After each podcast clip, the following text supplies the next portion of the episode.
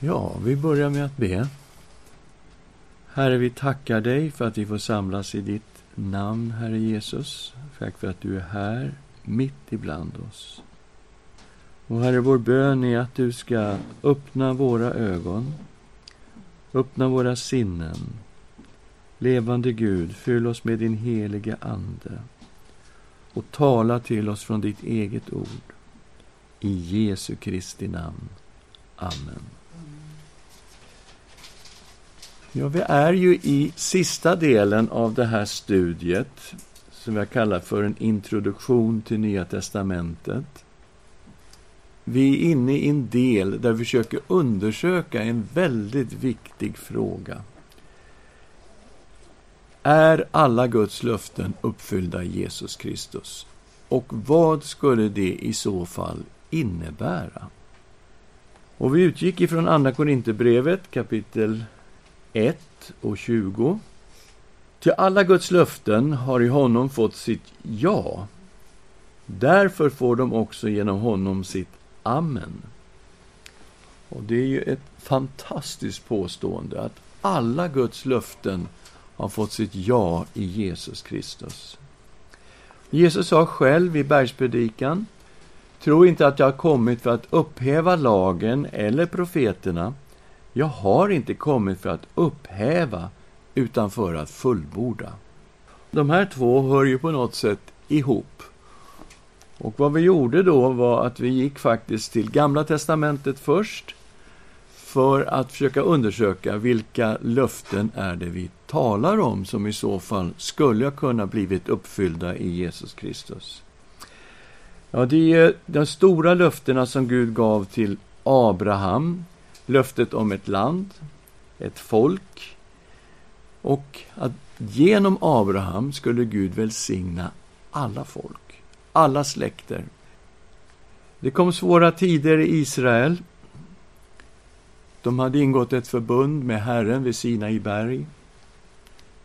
Problemet var att det var ett villkorat förbund. Om de bröt det här förbundet och började tillbe andra gudar, så har Gud sagt genom sina profeter att då kommer domen att komma och de kommer att bli bortförda i fångenskap.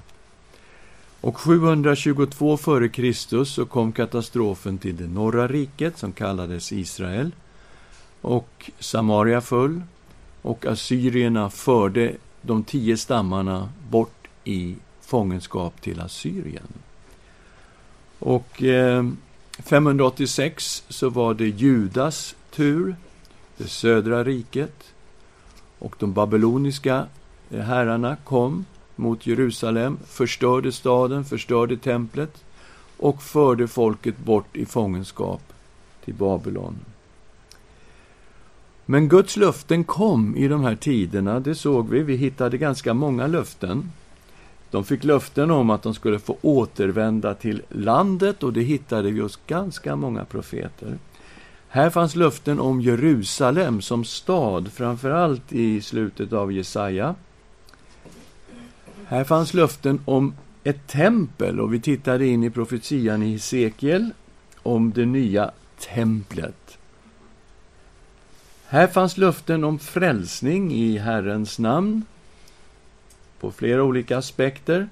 Den berömda Joel-profetian, var och en som åkallar Herrens namn ska bli frälst.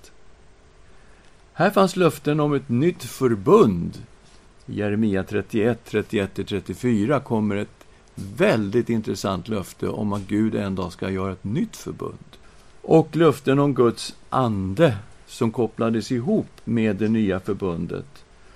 Och vi tittade dels i Hesekiel hur, hur Gud lovar att hans ande ska bo i de troende. Han ska ge dem ett nytt hjärta, ta ut stenhjärtat och ge dem ett hjärta av kött och låta sin ande bo i de troende. Och i Joel har vi denna profetia som vi stavar ganska ofta på, att Gud lovade att han en dag ska utgjuta sin ande över allt kött, över alla människor. Och vi kopplar ihop detta med det nya förbundet. Det gjorde Petrus också på pingstdagen, kan jag avslöja. Ja. Och så förstås väldigt många profetier om Messias. Han skulle vara Guds son, han skulle vara kung, Han skulle vara profet, han skulle vara präst, han skulle vara en frälsare, han skulle vara Guds offer och han skulle vara ett ljus för alla folk. Allt det här ser vi i gammaltestamentliga profetier där Guds löften kommer fram. Och så börjar vi se då, okej, okay, hur kan det här stämma? Vi började först titta på Kristus, att han var Guds son. Ja, det såg vi ju för ängeln Gabriel kom till Maria och berättade detta redan innan han föddes, att han ska kallas Guds son. Och fadern, han talade vid Jesu dop, han talade på förklaringsberget, att denne är hans älskade son. Och Jesus var själv medveten om att han var Guds son. Så visst, att han var Guds son, det var tydligt när vi kom in i Nya testamentet. Att han var en kung, ja det sa ingen Gabriel också, att han ska sitta på sin fader Davids tron och att det är en evig tron i ett evigt rike. Och själv så bekräftar Jesus detta när han står inför Pilatus, att han är en kung, att hans rike inte är av den här världen. Och eh, i Uppenbarelseboken så bär han det här fantastiska namnet Konungarnas konung och herrarnas herre. Visst, han är framställd som en kung. Är han profet då? Ja, där gick vi till Petrus predikan i templet i Apostlagärningarna 3 och ser att Petrus bekräftar att Jesus är den här profeten som var lovad genom Mose. Gud sa till Mose att jag ska låta en profet uppstå som är lik dig. Han är profeten. Och då kommer vi in och fortsätter här, för att där tog tiden slut förra gången, mitt i alltihopa. Så då får vi fortsätta. Och vi ska titta på att han ska vara en präst, därför att vi har det här profetian ifrån psalm 110. Du är en präst till evig tid efter Melkisedeks sätt. Är han en präst då? Ja, vi går in i Hebreerbrevet kapitel 3 och tittar i vers 1. Därför, heliga bröder, ni som har fått del av en himmelsk kallelse, se på Jesus, den apostel och överstepräst som vi bekänner oss till. Ja, visst. Kapitel 4, 14. Då vi nu har en stor överstepräst, Jesus, Guds son, som har stigit upp genom himlarna, så låt oss hålla fast vid vår bekännelse. Och det här är någonting som vi blir välsignade av dagligen. Titta i sjunde kapitlet, vers 24. Men eftersom Jesus lever för evigt har han ett prästämbete som varar för evigt. Därför kan han också helt och fullt frälsa dem som genom honom kommer till Gud. Ty han lever alltid för att mana gott för dem. En sorts förbön som pågår dag och natt. Och vi kan ju också ta 8.1 när vi ändå är så nära. Detta är en huvudpunkt i vad vi säger. Vi har en sådan överstepräst som sitter på högra sidan om majestätets tron i himlen. Ja, är han en präst? Jo, det är han. Han är vår överste präst. Är han en frälsare då? Ja, han är en frälsare. Vi har det rakt in i självaste julevangeliet i Lukas kapitel 2, vers 11. Ängeln talar till herdarna, 2 och 11. Ty idag har en frälsare blivit född åt er i Davids stad. Han är Messias, Herren. Ja, han är frälsare. Vi har det i Simeons ord. Ni vet, han som hade fått reda på att han skulle inte dö innan han fick se Messias. När Maria och Josef och Jesusbarnet kommer till templet, när de bär fram Jesus i templet, som man skulle göra med alla förstfödda i Israel. Då säger Guds ande till Simeon, nu får du skynda till templet, för nu är han där. Vi läser i samma kapitel då, i Lukas kapitel 2, vers 29 32. Herre, nu låter du din tjänare sluta sina dagar i frid som du har lovat. Ty mina ögon har sett din frälsning som du har berett att skådas av alla folk. Ett ljus som ska uppenbaras för hedningarna och en härlighet för ditt folk Israel. Är han en frälsare? Ja, det är han. Han är Guds frälsning till alla folk. Han skulle vara ett offer, det lärde vi oss i Jesaja kapitel 53. Ett kapitel som för övrigt är citerat på flera ställen i Nya testamentet. Vi läser några verser ur Romarbrevet kapitel 3, vers 21 börjar vi i. Men nu har utan lagen en rättfärdighet från Gud blivit uppenbarad, en som lagen och profeterna vittnar om. En rättfärdighet från Gud genom tron på Jesus Kristus för alla som tror. Ty här finns ingen skillnad. Alla har syndat och saknar härligheten från Gud. Och det står som rättfärdiga utan att ha förtjänat det av hans nåd, därför att Kristus Jesus har friköpt dem. Och här kommer ju hans offer in i friköpandet. Han har alltså betalat med sitt eget liv, sitt eget blod. Honom har Gud genom hans blod ställt fram som en nådastol för att tas emot genom tron. Så visst, han är ett offer och det är genom hans offer vi har syndernas förlåtelse och hela vår frälsning vilar ju på detta. Vi går också till Hebreerbrevet 9 för att titta på detta med Jesu offer. Hebreerbrevet 9 och 11. Men nu har Kristus kommit som överste präst för det goda som vi äger genom det större och fullkomligare tabernakel som inte är gjort med händer, det vill säga som inte tillhör den här skapelsen, gick han en gång för alla in i det allra heligaste, inte med bockars och kalvars blod, utan med sitt eget blod och vann en evig återlösning. Och i den 28 versen.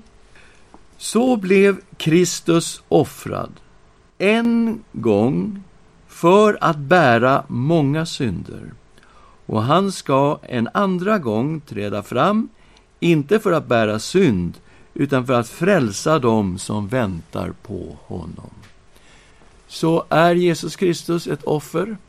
Ja, det tror jag vi skriver under på direkt.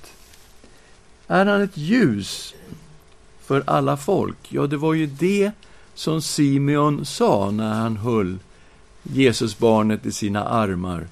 Ett ljus som ska skådas av hedna folken. Och naturligtvis går det tillbaks till profetiorna i Jesaja att han skulle vara ett ljus för alla folk. Och när vi kommer in i Johannes, då är han det sanna ljuset som lyser över alla människor. Vi kommer till Johannes kapitel 1 och vers 9. Det sanna ljuset som ger ljus åt alla människor skulle nu komma till världen. Han var i världen och världen hade blivit till genom honom och världen kände honom inte. Han kom till sitt eget, och hans egna tog inte emot honom. Men åt alla dem som tog emot honom gav han rätt att bli Guds barn, åt dem som tror på hans namn. Ja, visst är han ljuset, han är det sanna ljuset som lyser över alla människor. Och i det åttonde kapitlets tolfte vers Jesus talade åter till dem och sa, Jag är världens ljus. Den som följer mig ska inte vandra i mörkret, utan ha livets ljus. Så är han ljuset för alla folk, som det var lovat. Ja, det är han. Absolut. Vi går vidare. Här fanns ju löften om landet, både till Abraham, men också till dem som hade blivit bortförda i fångenskap kom löften om landet. Och när det gäller det södra riket, som fördes bort då 586 före Kristus, de gick i tre omgångar. 605 kommer första gruppen, det är Daniel och hans vänner som förs i fångenskap till Babel.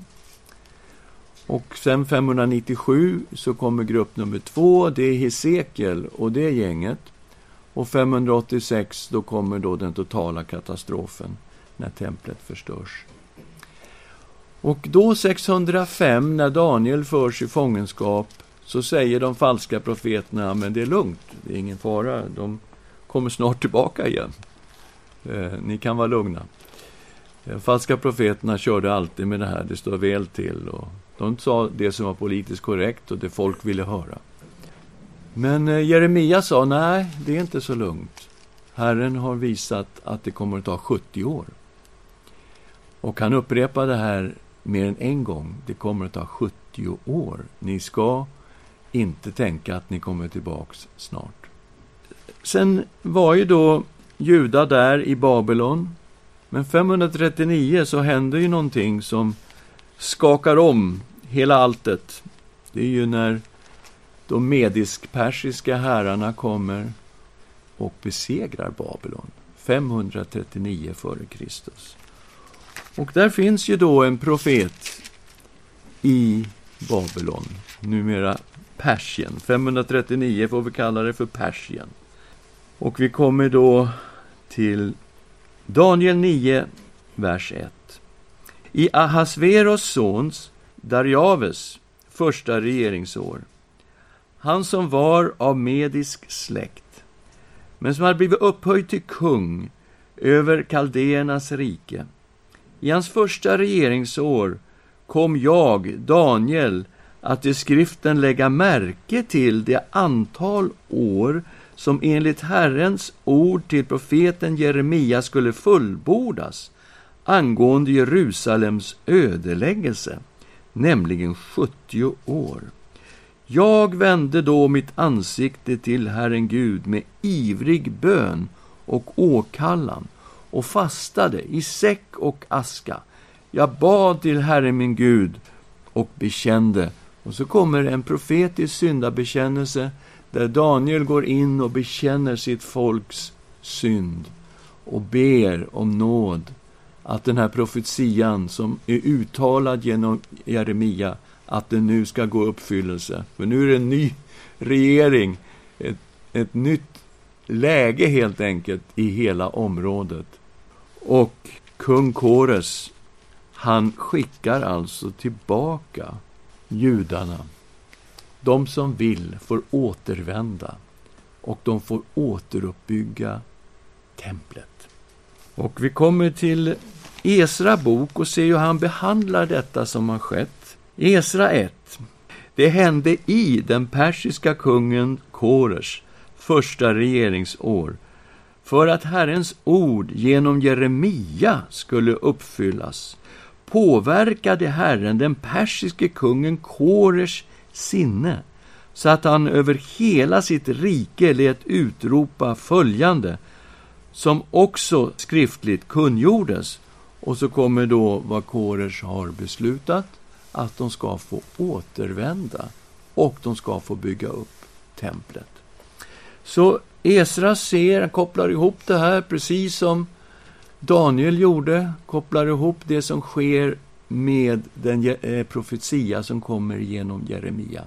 70 år sen kommer de att få återvända. Och det är klart, Daniel han blir bortförd 605, 70 år. Okej, okay, man kommer ner till 535. Och det här uttalas 539. Så de är tillbaka ungefär 537. Då har de fått två års bonus på sig från det att profetian uttalades. Så de kopplar ihop det här och ser, ja, Gud står vid sitt ord, löftena har gått i uppfyllelse, de fick återvända till landet. Men när vi kommer till Nya Testamentet och ska se hur alla de här löftena fått sitt ja och amen i Jesus Kristus, då blir det ju inte riktigt lika enkelt. Talade Jesus om landet, kan man ju undra. Ja, han talade om Guds rike. Det gjorde han. Och det var ett huvudtema hos Jesus. I Markus 1, 14 och 15 har vi något som man kan likna vid en programförklaring från Jesus. Medan Johannes döparen hade blivit fängslad kom Jesus till Galileen och predikade Guds evangelium. Han sa, tiden är fullbordad och Guds rike är nu här. Omvänd er och tro evangelium. Vi ska gå till Matteus kapitel 4 och titta i vers 23. Jesus vandrade omkring i hela Galileen och undervisade i deras synagogor och predikade evangeliet om riket och botade alla slags sjukdomar och krämpor bland folket. Så det här är en huvudtema hos Jesus. Vi går till 9 och 35 och ser något liknande. Jesus gick omkring i alla städer och byar och han undervisade i deras synagoger och predikade evangeliet om riket och botade alla slags sjukdomar och krämpor. Och det var en hel del av Jesu undervisning som just handlar om Guds rike. Så visst, han talar om landet, men inte på det sätt som vi möjligen hade kunnat förväntat oss. Han talar hela tiden om Guds rike. Återvändande till landet, hur behandlas det då i Nya testamentet? Ja, det är ju riket här igen det handlar om och det är ett sorts församlande till det här riket. Vi kommer till Matteus 12 där vi möter fariseer som har anklagat Jesus för att driva ut onda andar med hjälp av Belsebul, de onda andarnas furste. Och vi ser en utläggning från Jesus i 12.28. Men om det är med Guds ande jag driver ut de onda andarna, då har Guds rike kommit till er. Eller hur kan någon gå in i den starkes hus och plundra honom på vad han äger, om han inte först bundit den starke? Sedan kan han plundra hans hus. Den som inte är med mig är emot mig. Den som inte samlar med mig han skingrar. Så visst, Guds rike hade ju kommit, kungen var ju där, Jesus gick ju mitt ibland dem. Det fanns ett samlande till detta rike. Johannes 10 och 16 möter vi Jesus som den gode herden som tar väldig omsorg om sina får. Han har kommit för att de ska ha liv och övernog. Han är den gode herden som ger sitt liv för fåren. Men vi ser också en annan sak här i den sextonde versen. Jag har också andra får som inte hör till den här follan. Dem måste jag också leda. Och de kommer att lyssna till min röst. Så ska det bli en jord och en herde. Så det finns en annan fårfålla, han kommer att föra ihop de här två och det ska bli en jord och en herde. Och vi förstår det som han talar om hedna folken, som inte hör till den här follan. Men de kommer att föras in, det kommer att bli ett gudsfolk en dag som består av judar och hedningar som tror på Jesus Kristus. Och de har en, en enda herde och de är i en enda jord.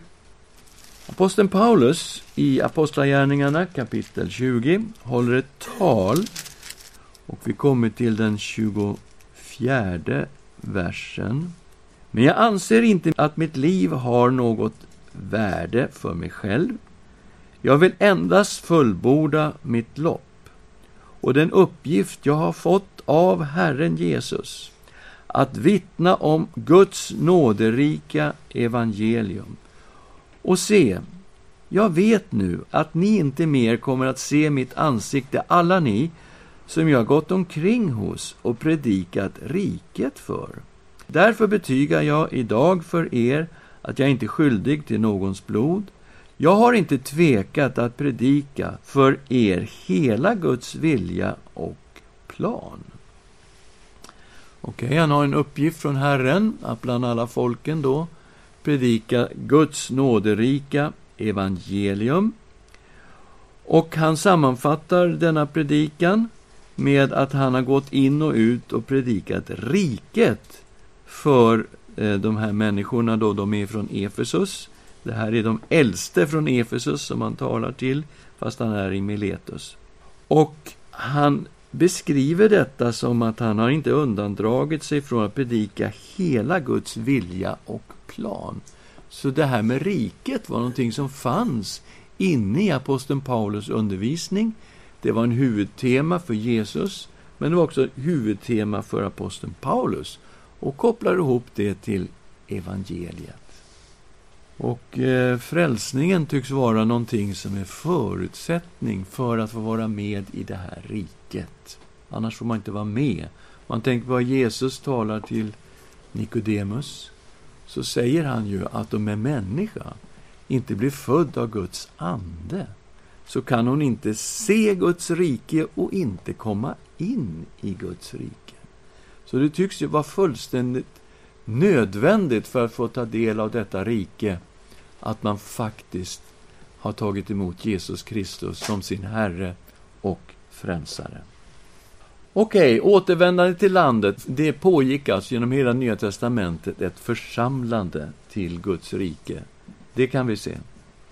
Jerusalem då, som det fanns löften om. Hur var det med det? Talas det om Jerusalem i Nya Testamentet? Har ni upptäckt något? Ja, fast på ett annorlunda sätt. Det finns ett himmelskt Jerusalem. Ja, det gör det. Vi går till Galaterbrevet kapitel 4 och läser den här lite märkliga eh, utläggningen av aposteln Paulus, som är lite allegorisk faktiskt. Vi är i 21 versen, kapitel 4, Galaterbrevet.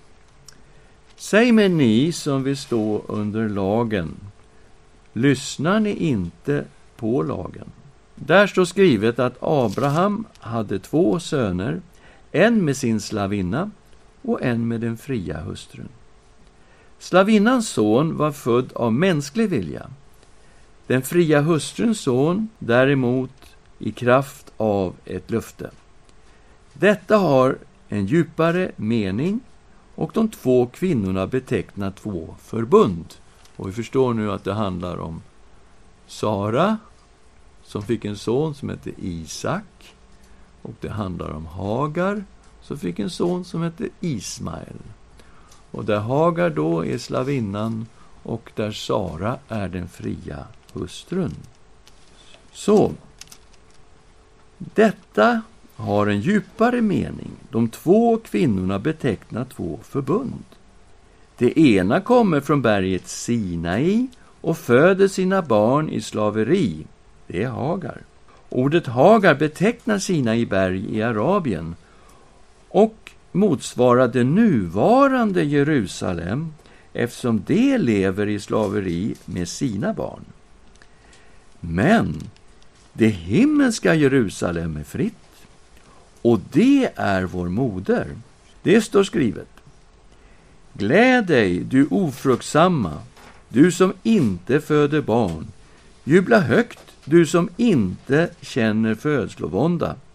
Ty den ensamma har många barn, fler än den som har man. Ni bröder är ju löftets barn, liksom Isak. Och som det var då, att han som var född efter naturens ordning förföljde den som var född i kraft av Anden, så är det också nu.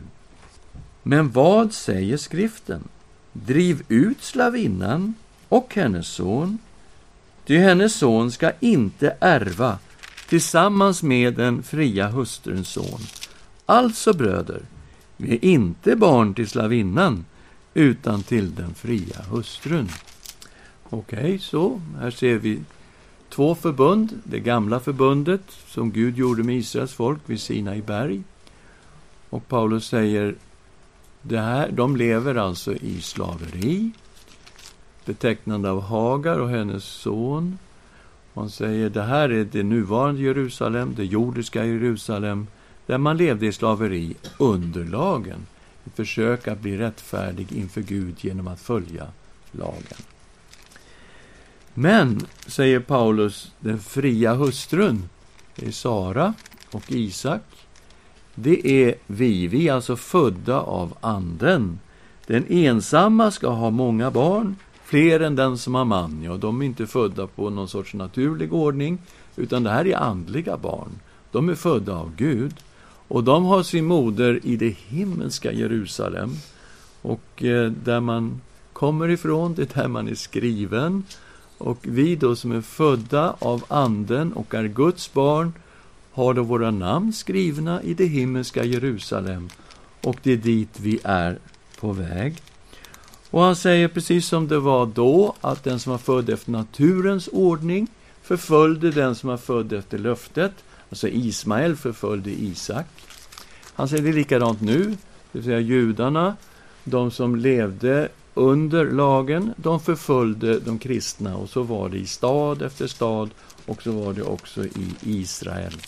Att de troende blev förföljda av judarna. Och vad säger då skriften? Driv ut slavinnan och hennes son, ty hennes son ska inte ärva tillsammans med den fria hustruns son.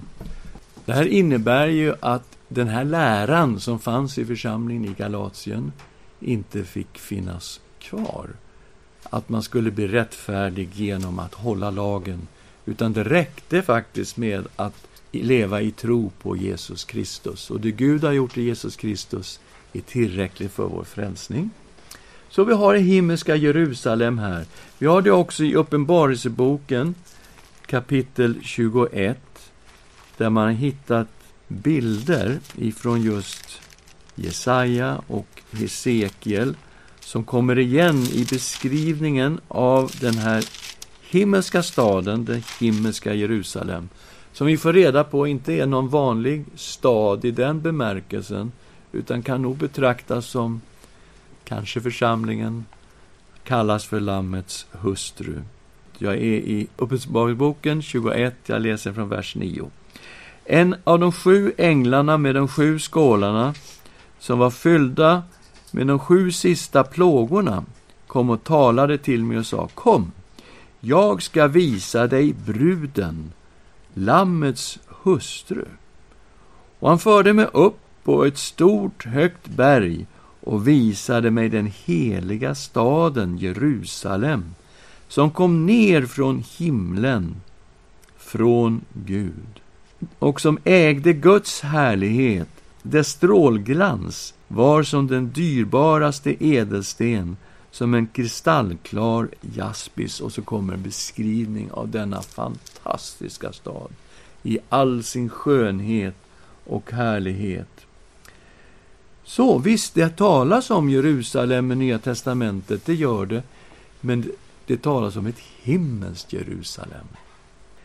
Templet då? Det fanns ju profetier om templet. Talas det om templet någonstans i Nya testamentet? Ja, vi har Jesu profetier om det jordiska templet som kommer att förstöras och en, en profetia som gick i uppfyllelse år 70 efter Kristus.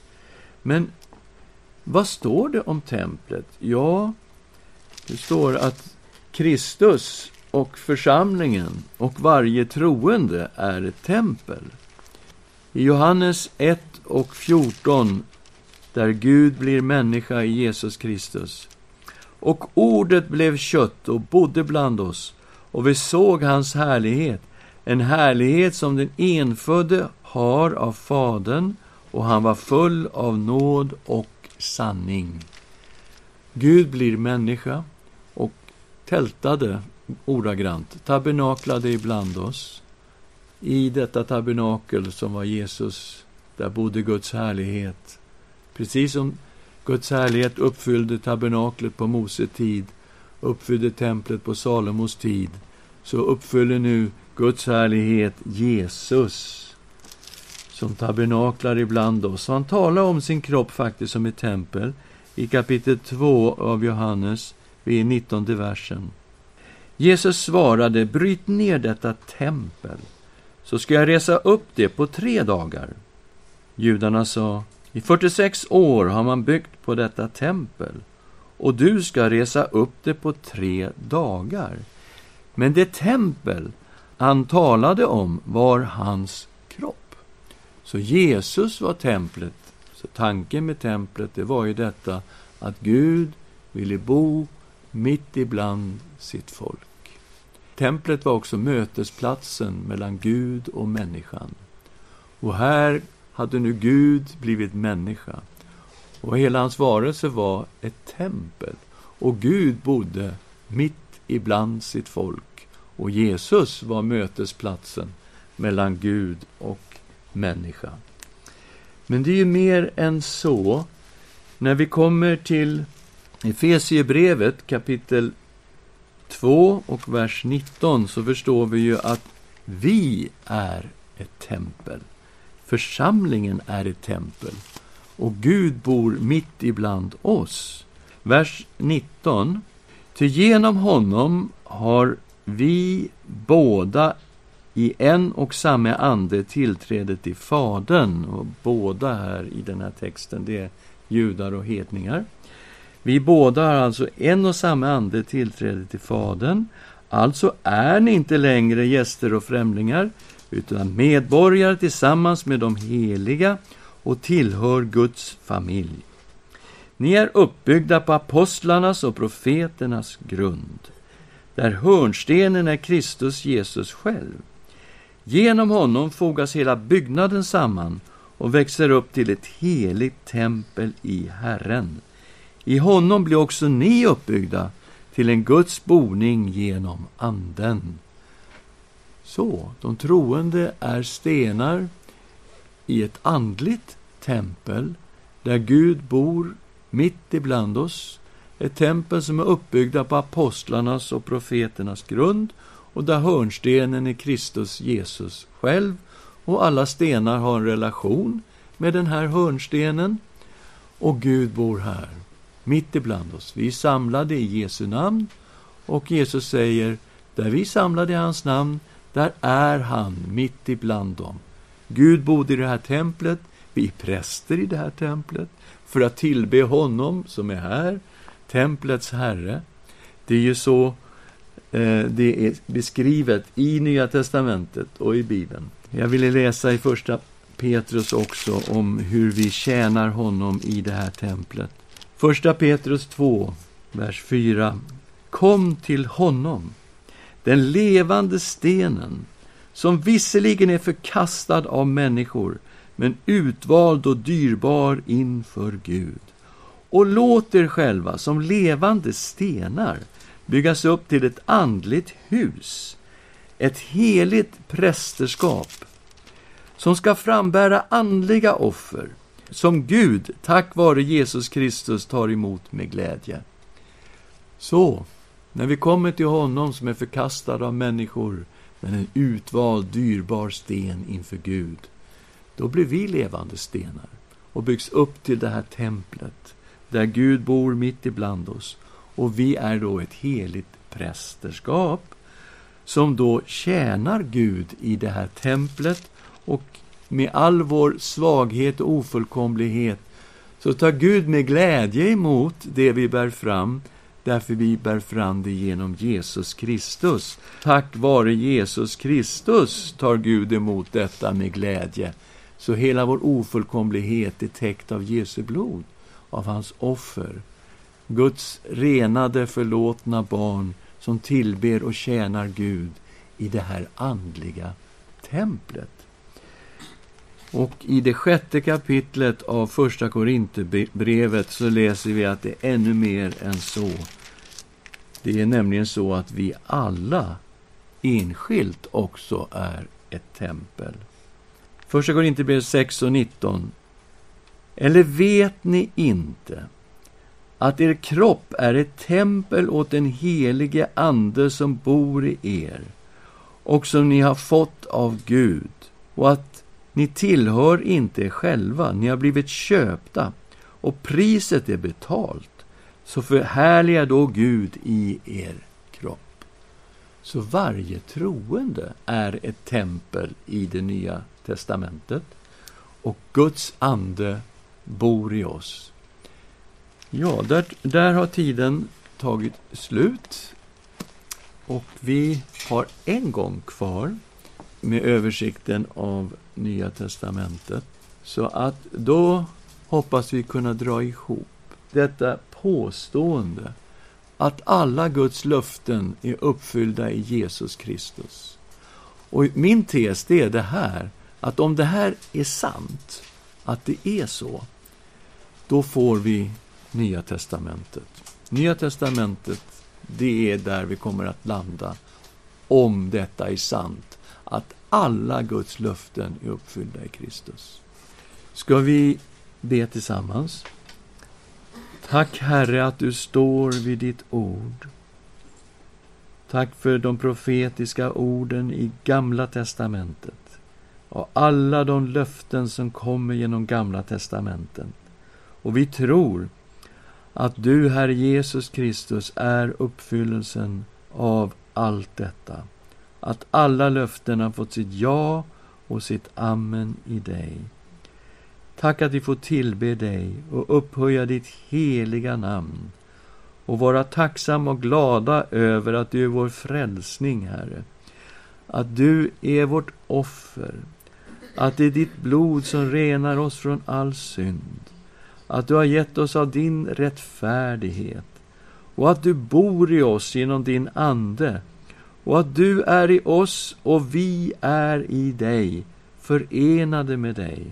Vi tackar dig, vår älskade Herre. I Jesu Kristi namn. Amen.